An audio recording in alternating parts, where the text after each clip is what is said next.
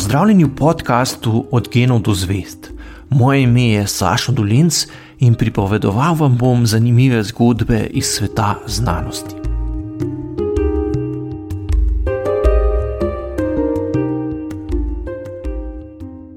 Dimitri Mendelejev velja za enega izmed najpomembnejših znanstvenikov 19. stoletja, saj mu je uspelo kemijske elemente urediti v sistematičen periodni sistem. Manj znano pa je, da je imel kot mlad profesor kemije na Univerzi v Sankt Peterburgu z mednarodnim priznanjem svojega dela kar velike težave. Zapletati se je začelo, ko se je pri prevodu povzetka znanstvenega poročila o njegovem odkritju iz ruščine v nemščino zgodila manjša napaka.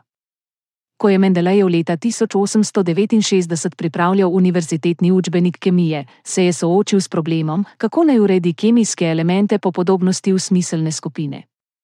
Po dolgem razmisleku se mu je porodila prelomna ideja, s pomočjo katere je lahko elemente uredil po teži in sorodnih lastnostih v periodni sistem.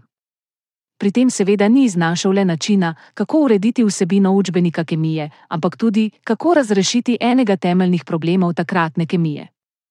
Zelo pomembno je bilo tudi, da je lahko glede na prazna mesta v preglednici napovedal obstoj novih elementov, ki jih do tedaj še niso poznali. Seveda se je zavedal, da gre za izjemno pomembno odkritje, saj se je z istim problemom takrat ukvarjalo več uglednih znanstvenikov. Zato je hitro pripravil poročilo o svojem odkritju in ga v ruščini razposlal kolegom, krati pa je znanca prosil, da povzetek prevede še v nemščino in ga objavi v nemški kemijski reviji.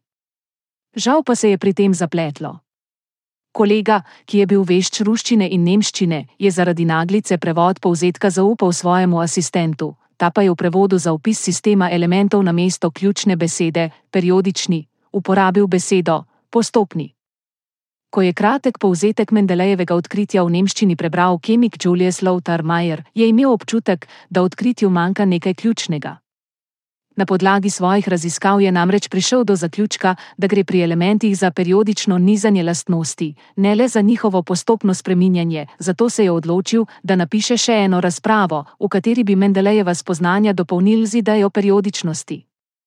Ruskemu kolegu je sicer priznal zasluge za odkritje sistema, sebi pa je pripisal pomembno dodatno idejo, da v sistemu elementov ne gre za postopno, ampak za periodično nizanje lastnosti. Ko je Mendelejev prejel izvod revije s člankom nemškega kolega, sprva ni razumel, kaj naj bi njegovemu odkritju sploh manjkalo.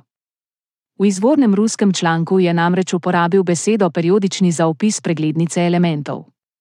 Tako se je začel resen spor glede tega, kdo je dejansko prvi prišel do ideje, da je elemente mogoče razporediti v periodni sistem. Ko se je s časoma razjasnilo, da je šlo za napako pri prevodu, so nemški kemiki kot problem izpostavili, da je bilo odkritje sprva predstavljeno le v ruščini.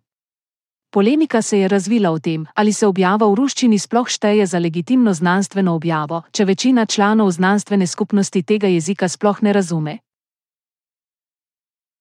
Danes so skoraj vsa poročila o novih znanstvenih odkritjih objavljena v angleščini. A takšno stanje bi se zdelo znanstvenikom, ki so delovali v 19. in v prvi polovici 20. stoletja, zelo nenavadno. Pred stoletjem in več je bilo namreč jezikov, v katerih so znanstveniki pisali svoje razprave in medsebojno komunicirali, bistveno več. Učenjaki so sledili novim znanstvenim objavam vsaj v nemščini, francoščini in angleščini. Še okoli leta 1920 je bilo največ znanstvenih člankov objavljenih v nemščini, na to pa je začel delež nemških objav ustrajno padati. Po grozotah Prve svetovne vojne so začeli mnogi učenjaki bojkotirati nemške znanstvene revije in konference, druga svetovna vojna pa je večanje popularnosti angleščine le še utrdila. V času hladne vojne se je za nekaj desetletij kot pomemben jezik znanosti uveljavila tudi ruščina, saj so takrat objavam v ruskih znanstvenih revijah redno sledili tudi znanstveniki drugje po svetu. Čeprav so danes skoraj vsi znanstveni članki objavljeni v angleščini, se je skozi zgodovino zvrstilo kar veliko različnih jezikov, ki so jih za svojo komunikacijo uporabljali znanstveniki. V 18. stoletju je bila denimo francoščina osrednji jezik evropskih razsvetljenskih intelektualcev, še prej se je vsaj na univerzah komuniciralo predvsem v latinščini. Zanimivo pa je, da se je latinščina v znanosti uveljavila šele skoraj tisoč let po pacu rimskega imperija, ko že dolgo ni bila več jezik vsakdanjih pogovorov običajnih ljudi. Čeprav je dolgo veljalo prepričanje, da je latinščina nekakšen naravni jezik znanosti, se je moral tudi ta jezik večkrat preoblikovati, da je postal uporaben kot sredstvo za prenos znanstvene misli. Latinščina je bila izvorno jezik, ki so ga govorili v okolici Rima. Do konca prvega stoletja je z območja današnje Italije izrinila vse druge jezike, z izjemo grščine, ki se je ohranila na Siciliji. Vse od nastanka Rimske republike do propada imperija pa je bila rimska elita dvojezična, saj so vsi šolani ljudje poleg latinščine znali tudi grško. Za časa Rimske republike je bila prav grščina jezik intelektualcev in znanosti. V grščini so pisali filozofske, matematične, astronomske in medicinske razprave. Morda se sliši nenavadno, a sprva so bili latinski povzetki grških učenih razprav mišljeni kot njihova popularizacija, s katero so želeli predvsem omogočiti, da bi ideje dosegle čim širši krok ljudi. Eden najbolj znanih rimskih intelektualcev, Mark Tully Cicero, je imel resne težave, ko je želel v takratno latinščino prevesti nekatera klasična dela grške filozofije. Kakršnokoli razpravo z področja znanosti si težko predstavljamo brez besede količina vendar latinščina te besede sprva ni poznala. Cicerov je problem rešil tako, da je iz vprašalnice koliko, quantus, ustvaril novo besedo za količino, quantitas. V obdobju rimskega imperija se je latinščina postopoma sicer začela uveljavljati tudi kot jezik znanosti, predvsem preko prevodov in povzetkov grškega znanja, a latinščine kot primarnega jezika za pisanje in komuniciranje ni začela uporabljati nobena skupina intelektualcev še vsaj pol tisočletja po pacu Rima. Čeprav latinščina po koncu rimskega imperija nikomor ni bila več materni jezik, se je uporabljala v rimsko-katoliški cerkvi a pravi jezik znanosti je postala šele v obdobju množičnega prevajanja iz arabščine v 12. stoletju.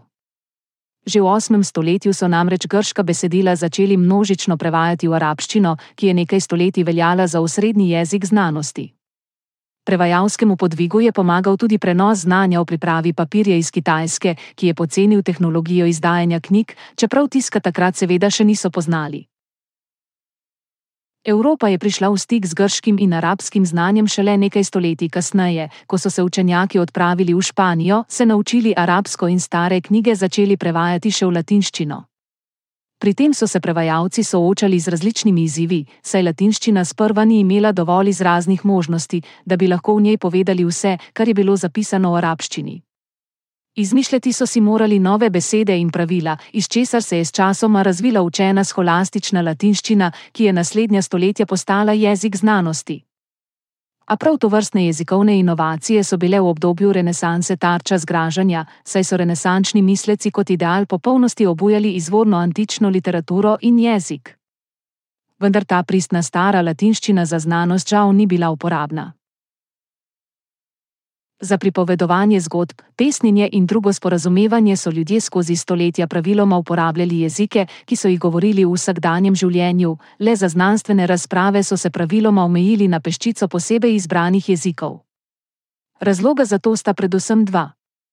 Znanstvene ideje morajo biti predstavljene tako, da dosežejo čim večji krok intelektualcev, sicer nimajo vpliva. Prav tako mora biti tudi posamezni jezik posebej prilagojen temu, da ga je mogoče čim bolj enostavno uporabiti za opis znanstvenih idej. Zgodovinarji ugotavljajo, da izbira jezikov, ki jih znanstveniki uporabljajo za medsebojno izmenjavo idej, ni le rezultat zgodovinskega naključja, temveč tudi velikega sistematičnega prizadevanja prevajalcev in drugih ljudi, ki pri svojem delu uporabljajo posamezne jezike.